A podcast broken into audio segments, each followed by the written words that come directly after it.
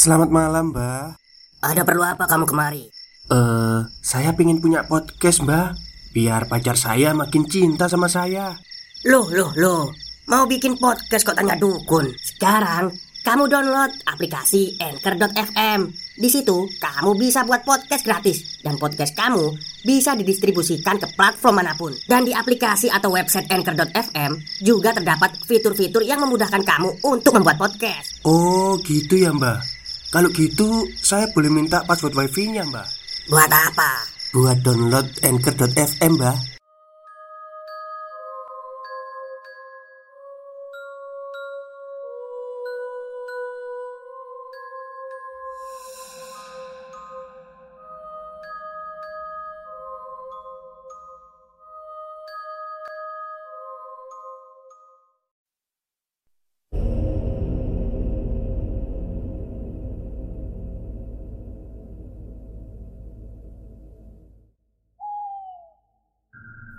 Assalamualaikum warahmatullahi wabarakatuh. Halo semuanya, jumpa lagi dengan saya Chow Sing Sing, kurator dari Podcast Horror Night Story. Halo apa kabar semuanya, semoga kalian semua sehat-sehat ya. Dan seperti biasanya pada malam hari ini saya kembali Dan akan menghadirkan sebuah kisah mistis untuk kalian semua Kisah mistis kali ini saya dapatkan dari tulisannya Mas Restu Wira Yang menuliskan tentang boneka arwah Jadi di dalam tulisan ini mengisahkan sebuah keluarga Yang awalnya baik-baik saja Tapi sejak kedatangan boneka baru yang dibawa anaknya itu Ada aja gangguan Seperti apa kisahnya? Mari kita simak. Kejadian ini merupakan sebuah pengadaptasian sosial terhadap teror boneka arwah yang dimiliki oleh seorang anak bernama Putri. Jawa Barat 2005 Putri diketahui memiliki tiga boneka Boneka itu dia beli dari pasar Artinya, ketiga boneka ini tidak ada kaitannya dengan boneka arwah. Masing-masing boneka itu memiliki nama yang berbeda dan sesuai dengan jenisnya. Untuk boneka wanita tua, Putri beri nama Lina. Untuk boneka pria tua, Putri beri nama Ben. Dan untuk boneka anak laki-laki, Putri beri nama Marcel. Ketiga boneka itu memang telah diketahui oleh kedua orang tua putri, yaitu Bu Ratna dan Pak Rizal. Selain itu, boneka-boneka yang dimiliki putri biasa ditempatkan di tempat tidur putri. Ketika boneka ini tidak memiliki sesuatu atau arwah yang merasukinya, bisa dibilang ketiganya adalah boneka biasa dan kosongan. Karena itu, kedua orang tua putri tidak terlalu khawatir mengenai perlakuan putri terhadap ketiga bonekanya. Namun, semua menjadi berubah ketika terdapat boneka baru yang menempati rumah putri. Suatu hari, putri sedang berjalan-jalan di sekitaran rumah. Ia kemudian melihat sebuah rumah kosong yang sudah lama tidak ditinggali pemiliknya. Rumah itu memang sudah kosong sejak puluhan tahun lamanya. Pemilik lamanya pun belum diketahui. Namun, ada kabar yang beredar jika rumah ini dulunya pernah mengalami sebuah kecelakaan besar, yaitu kebakaran, dan tidak diketahui mengenai penyebabnya. Akan tetapi, Berita yang beredar jika seluruh pemiliknya itu meninggal dunia. Putri yang penasaran akhirnya memasuki rumah kosong itu. Ia kemudian melihat-lihat ruangan rumah yang sudah sangat tua.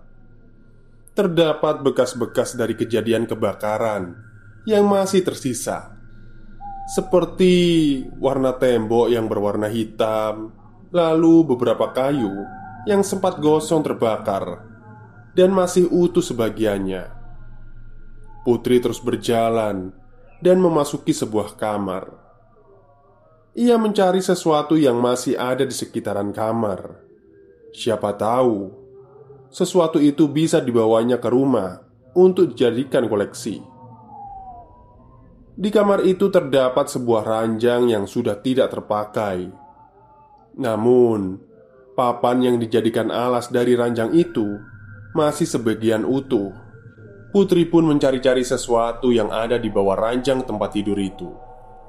Ia masuk ke dalam lorong ranjang itu sembari menutup hidungnya karena terdapat banyak serpihan debu yang sudah lama mengental di lantai. Putri menemukan sesuatu seperti boneka yang masih bagus. Boneka ini tidak ada kecacatan sama sekali dari bentuknya.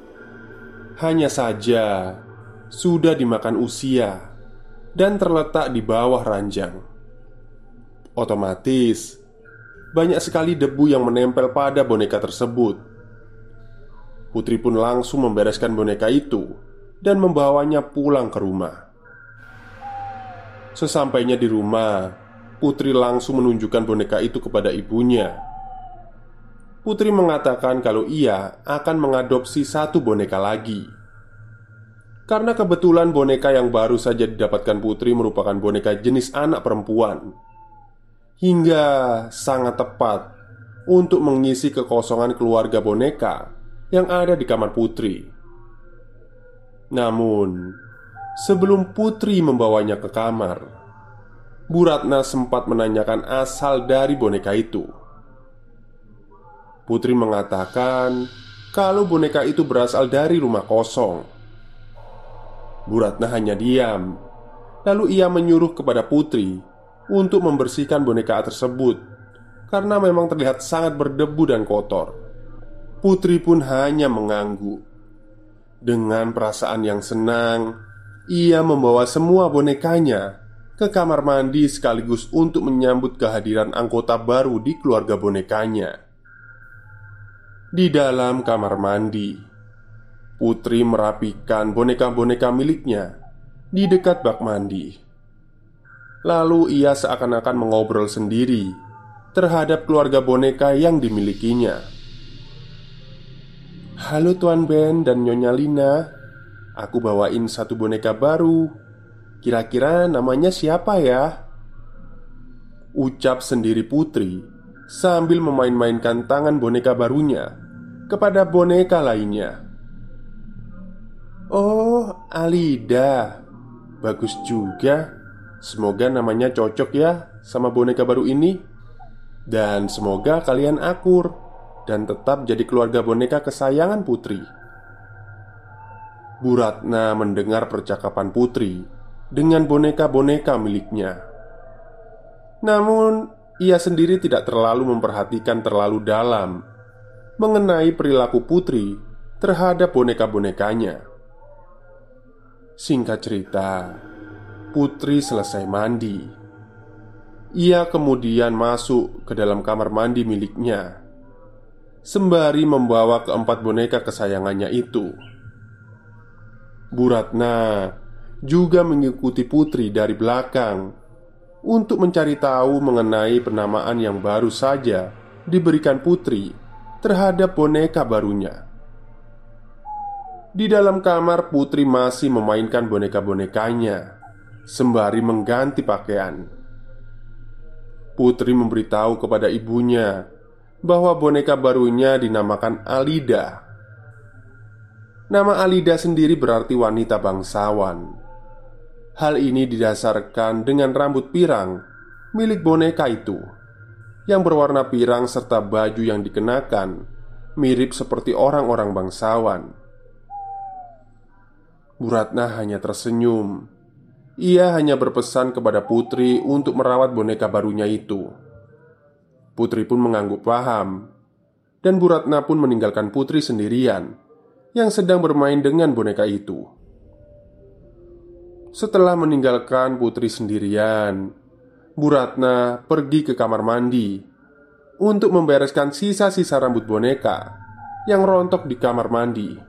Namun, Betapa terkejutnya Bu Ratna ketika menemukan satu helai rambut berwarna pirang dengan ukuran yang tidak biasa.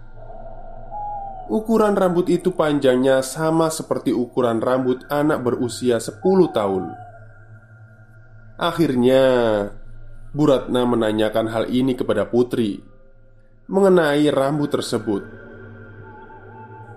"Dek, rambut boneka Adelia memangnya panjang ya?" Tanya Bu Ratna Pendek kok mah Lah Terus ini rambutnya siapa? Kok panjangnya sama seperti rambut kamu? Namun tetap saja Putri tidak menjawab pertanyaan itu Bu Ratna merasakan ada sesuatu Yang ditutup-tutupi Putri kepada dirinya Semenjak saat itu, Bu Ratna sering kali melihat aktivitas Putri ketika ia bermain dengan boneka-bonekanya. Terlebih lagi saat melakukan komunikasi terhadap boneka Alida. Malam harinya, mereka bertiga makan secara bersamaan. Biasanya, setiap malam Bu Ratna meminta kepada semua keluarganya untuk makan bersama agar keluarganya menjadi keluarga yang harmonis. Namun kali ini ada yang berbeda. Putri membawa boneka Alida untuk ikut makan dan bergabung dengannya untuk makan bersama. Pak Rizal yang kebetulan baru tahu ada boneka yang dibawa Putri langsung bertanya, "Itu boneka kamu, Dek?" "Iya, Pak. Itu boneka Putri. Namanya Alida." Nemu di mana? Rumah kosong. Mendengar hal itu, Pak Rizal terkejut. Ia menyadari ada sesuatu yang salah terhadap boneka yang sekarang ada di dalam pelukan putri itu. "Kamu tahu siapa pemiliknya?" Putri menggeleng-gelengkan kepalanya. "Loh, kamu kok asal ambil aja sih?" Putri hanya terdiam sambil memeluk-meluk boneka itu. Seperti layaknya seorang anak yang kena marah bapaknya, Putri justru sangat iba kepada boneka Alida. Ia bahkan mengelus-ngelus Alida sambil berucap, "Jangan takut ya, papaku nggak galak kok." Bu Ratna yang mendengar hal itu semakin merasa aneh pada Putri. "Dek, Emang bonekanya bisa bicara? Alida itu bisa bicara seperti kita, mah. Dia takut sama papa. Itu barusan yang Alida bilang.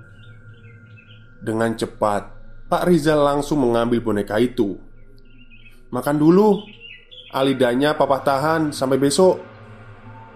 Putri kecewa dengan tingkah bapaknya yang berlebihan kepada Alida.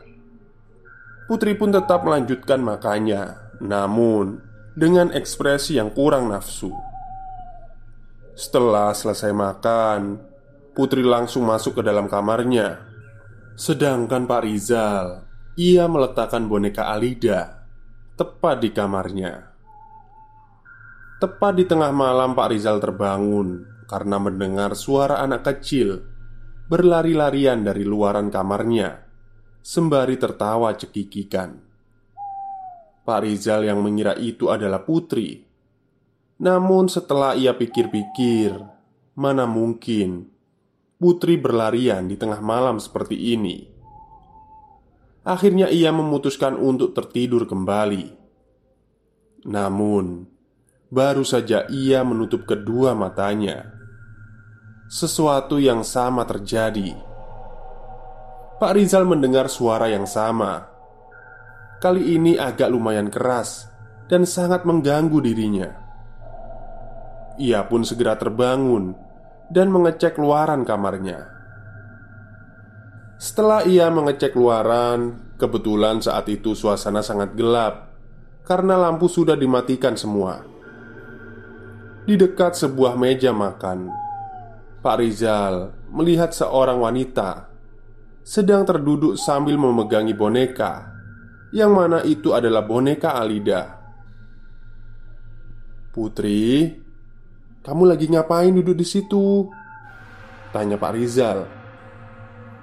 Pak Rizal mendekati sosok anak kecil itu secara perlahan. Namun, di saat ia ingin menggapai anak kecil itu, tiba-tiba istrinya memanggil, "Pak, lagi ngapain?" Ketika Pak Rizal menengok ke arah meja makan, sosok itu telah hilang. Yang berbekas hanya boneka Alida yang tergeletak begitu saja di atas meja. Pak Rizal hanya bisa diam seribu bahasa. Lalu ia mengambil boneka itu dan masuk ke dalam kamarnya. Keesokan harinya, Putri berangkat sekolah bersama dengan Bu Ratna. Karena kebetulan Pak Rizal libur kerja, jadi ia menjaga rumah sambil beristirahat. Namun, tepat setelah satu jam kepergian Putri dan Bu Ratna, Pak Rizal kembali mendengar suara tawa anak kecil dari dalam kamarnya. Ia penasaran, siapakah sosok anak kecil itu? Akhirnya, Pak Rizal pun mengecek kamarnya. Setelah ia membuka kamar, betapa terkejutnya Pak Rizal melihat boneka Alida sedang terduduk di atas kasur tempat tidurnya. Boneka itu tepat mengarahkan wajahnya ke arah pintu. Seperti tahu akan ada orang yang datang dan masuk Yaitu Pak Rizal. Ia pun kembali meletakkan boneka Alida ke tempat semula Dan pergi keluar menuju ruang tamu. Siang harinya Di saat Pak Rizal sedang tertidur Bu Ratna dan Putri tiba di rumah Putri langsung menuju kamar bapaknya dengan tujuan mengambil boneka Alida. Namun, Bu Ratna melarang. Putri pun kembali ke dalam kamar. Ia akhirnya bermain dengan boneka Ben, Lina, dan Marcel. Sebenarnya, dalam hati Bu Ratna, ia sendiri ingin mengembalikan boneka itu ke rumah kosong karena Semenjak boneka itu hadir, keadaan sekitar rumah menjadi berubah. Hawa rumah seperti sangat panas, dan sering kali terdengar suara rintihan anak kecil. Stop, stop, kita break sebentar. Jadi, gimana? Kalian pengen punya podcast seperti saya? Jangan pakai dukun, pakai anchor, download sekarang juga gratis. Tepat di pukul 5 sore, Pak Rizal terbangun. Entah apa yang membuatnya tidur selama itu. Namun, Pak Rizal merasakan tubuhnya seperti diinjak-injak oleh sesuatu. Setelah bangun, ia terkejut karena boneka Alida sudah ada di pelukannya. Pak Rizal pun menanyakan hal ini kepada Bu Ratna Mengenai siapa yang meletakkan boneka itu di pelukannya. Bu Ratna pun tidak tahu menau Karena kebetulan ia sendiri ketika berada di kamar Posisi boneka berada di meja makan Bukan di pelukan Pak Rizal. Pak Rizal kembali merasakan hal aneh untuk yang kesekian kalinya. Ia pun berencana untuk membuang boneka itu namun dengan waktu yang tepat. Karena jika tidak, kemungkinan besar akan terjadi sesuatu yang lebih besar lagi. Malam harinya tepat di saat makan malam bersama. Raut wajah putri tidak seperti biasanya. Wajah putri sedikit pucat, seperti orang yang sakit. "Putri, kamu kenapa?" tanya Pak Rizal. Putri hanya terdiam. Ia tak mengatakan sepatah kata pun. Setelah usai makan, Putri langsung kembali ke kamar. Pak Rizal merasa iba dengan keadaan Putri. "Pak, apa nggak sebaiknya boneka Alida kita kasihkan aja ke Putri?" Tanya Bu Ratna Pak Rizal masih belum yakin mengenai boneka itu. Ia juga merasa ada sesuatu yang aneh dari boneka tersebut. Bisa dibilang, boneka itu memiliki sosok arwah yang mendiaminya. Boneka itu bukan boneka biasa. Di dalam boneka itu pasti ada penunggunya. Jelas Pak Rizal. Bu Ratna pun kaget mendengar hal itu. Sebenarnya, Bu Ratna juga menyadari ada sesuatu yang berbeda dari boneka itu. Hal ini didasarkan dari penemuannya terhadap sehelai rambut pirang yang memiliki ukuran yang sama dengan rambut putri saat ditemukan di kamar mandi. Seusai putri memandikan boneka itu, Pak Rizal pun akhirnya mencari cara agar bisa menyingkirkan boneka Alida. Selepas mereka membahas boneka Alida, tiba-tiba pintu rumah diketuk-ketuk oleh orang yang tak dikenal. Tok, tok, tok. Bu Ratna langsung berdiri Biar aku aja yang buka, Pak. Bu Ratna pun menuju ke arah pintu depan. Saat ia membuka pintu, ternyata tidak ada satupun orang yang berada di luar. Namun, saat Bu Ratna ingin menutup pintu, tiba-tiba ia melihat dari kejauhan ada sosok kecil yang secara perlahan membesar, seperti ukuran genderuwo dan sosok itu berlari ke arah rumahnya. Bu Ratna langsung menutup pintu dan mundur beberapa langkah sembari menghela nafas sebentar. Saat ia melihat ke arah suaminya, Bu Ratna terkejut ketika di hadapan suaminya telah terduduk sosok anak kecil sambil memegangi boneka Alida. "Pak, Siapa anak kecil di depan kamu itu? Ucap Buratna Siapa? Gak ada kok Sosok anak kecil itu menatap ke arah Buratna Dengan tatapan yang sangat mengerikan Itu, itu setan pak Mana? Gak ada apa-apa Ucap Pak Rizal Sambil berdiri Bersamaan dengan itu, kursi di hadapannya secara tiba-tiba terseret sendiri, lalu terjatuh. Pak Rizal terkejut melihat hal itu. Ia pun langsung menuju ke arah istrinya. Sesaat terdengar suara anak kecil dari kamar milik mereka berdua. Pak Rizal dan Bu Ratna pun menuju ke kamar secara perlahan. Saat mereka berdua membuka pintu, mereka berdua melihat sosok anak kecil dengan rambut yang tidak beraturan serta luka bakar yang berada di seluruh tubuhnya. Dia sedang berdiri membelakangi mereka. Pak Rizal dan Buratna pun langsung menutup pintu kembali. Mereka berdua ketakutan karena melihat sosok itu. Alhasil, mereka pun segera pergi sembari membawa putri yang sedang tertidur di dalam kamar. Tujuan mereka adalah menuju rumah Ustadz Zaki. Ustadz Zaki adalah seorang ustadz yang masih ada ikatan saudara dengan Pak Rizal. Dengan itu, Pak Rizal meminta tolong kepada Ustadz Zaki untuk mengusir sosok yang berada di boneka Alida itu.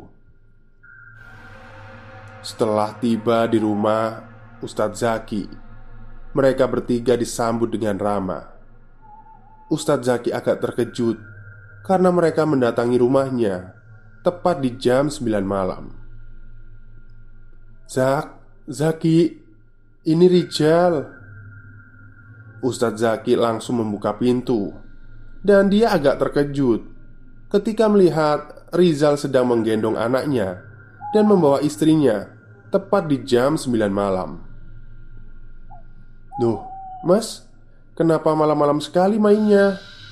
Tanya Ustadz Zaki Bukan gitu Ki Rumah kita diteror boneka setan Boneka setan? Iya, boneka milik Putri. Putri menemukannya di rumah kosong. Oh, uh, ya sudah, ya sudah, masuk dulu. Kita ngobrolnya di dalam ya. Pak Rizal pun mulai menceritakan dari awal mengenai boneka itu hingga berada di tangan Putri. Ustadz Zaki yang mendengar itu hanya mengangguk paham. Ia mengerti permasalahan yang ada dan dihadapi oleh Pak Rizal beserta keluarga kecilnya itu. Hmm, sosok yang merasuki boneka itu adalah Korin dari korban yang meninggal karena kebakaran beberapa puluh tahun yang lalu. Sosok itu memang mengganggu. Paling tidak, kita harus membakar semua boneka yang ada di dalam rumah. Pak Rizal bingung. Bukannya yang bermasalah hanya boneka Alida saja. Kenapa harus semua boneka? Ya, siapa tahu Korin itu justru merasuki boneka lainnya Karena mereka bisa berpindah dari satu wadah ke wadah yang lain. Mendengar hal itu Pak Rizal semakin paham. Akhirnya tepat jam 10 malam Mereka berdua berangkat untuk mengambil seluruh boneka Dan membakarnya menjadi abu. Bu Ratna dan Putri untuk sementara menginap di rumah Ustadz Zaki. Akhirnya, mereka berdua sampai di rumah. Saat awal masuk, Ustadz Zaki sudah merasakan ada aura yang bentrok pada tubuhnya. Ustadz Zaki pun meminta kepada Pak Rizal untuk menyiapkan alat pembakaran. Biar urusan boneka Ustadz Zaki yang mengambilnya. Singkat cerita, Ustadz Zaki menuju kamar Pak Rizal. Namun ia tidak menemukan sesuatu di sana. Dan kini ia menuju ke kamar Putri. Saat ia membuka pintu, Ustadz Zaki terkejut. Ia melihat empat boneka sedang berjajar rapi seperti memberi isyarat. Ustadz Zaki akhirnya mengambil boneka itu secara perlahan. Lalu ia membawanya ke arah Pak Rizal dan memintanya untuk segera dibakar. Pak Rizal menuruti perintah Ustadz Zaki. Keanehan pun terjadi saat keempat boneka itu dibakar. Mereka berdua mendengar ada suara tangisan anak kecil di sekitaran. Ustadz Zaki meyakini bahwa Korin yang merasuki boneka Alidala yang sedang menangis. Semenjak boneka Alida dibakar, kehidupan Pak Rizal kembali membaik. Putri pun sekarang tidak sembarang memelihara boneka karena yang dikhawatirkan boneka itu memiliki penunggunya. Tamat. Oke, terima kasih kepada Mas Restu Wira yang sudah mengirimkan ceritanya kepada podcast Horror Next Story ya Melalui telegram Jadi saya setuju dengan cerita ini. Sebenarnya itu Ketika kita meninggal Arwah kita itu sudah berada di alam penantian.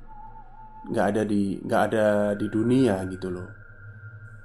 Dan kalaupun ada ya kalaupun ada itu kadang kan di TV itu kita kan pernah lihat toh paranormal paranormal paranormal itu ya kayak memanggil arwah itu sebenarnya bukan arwah yang datang.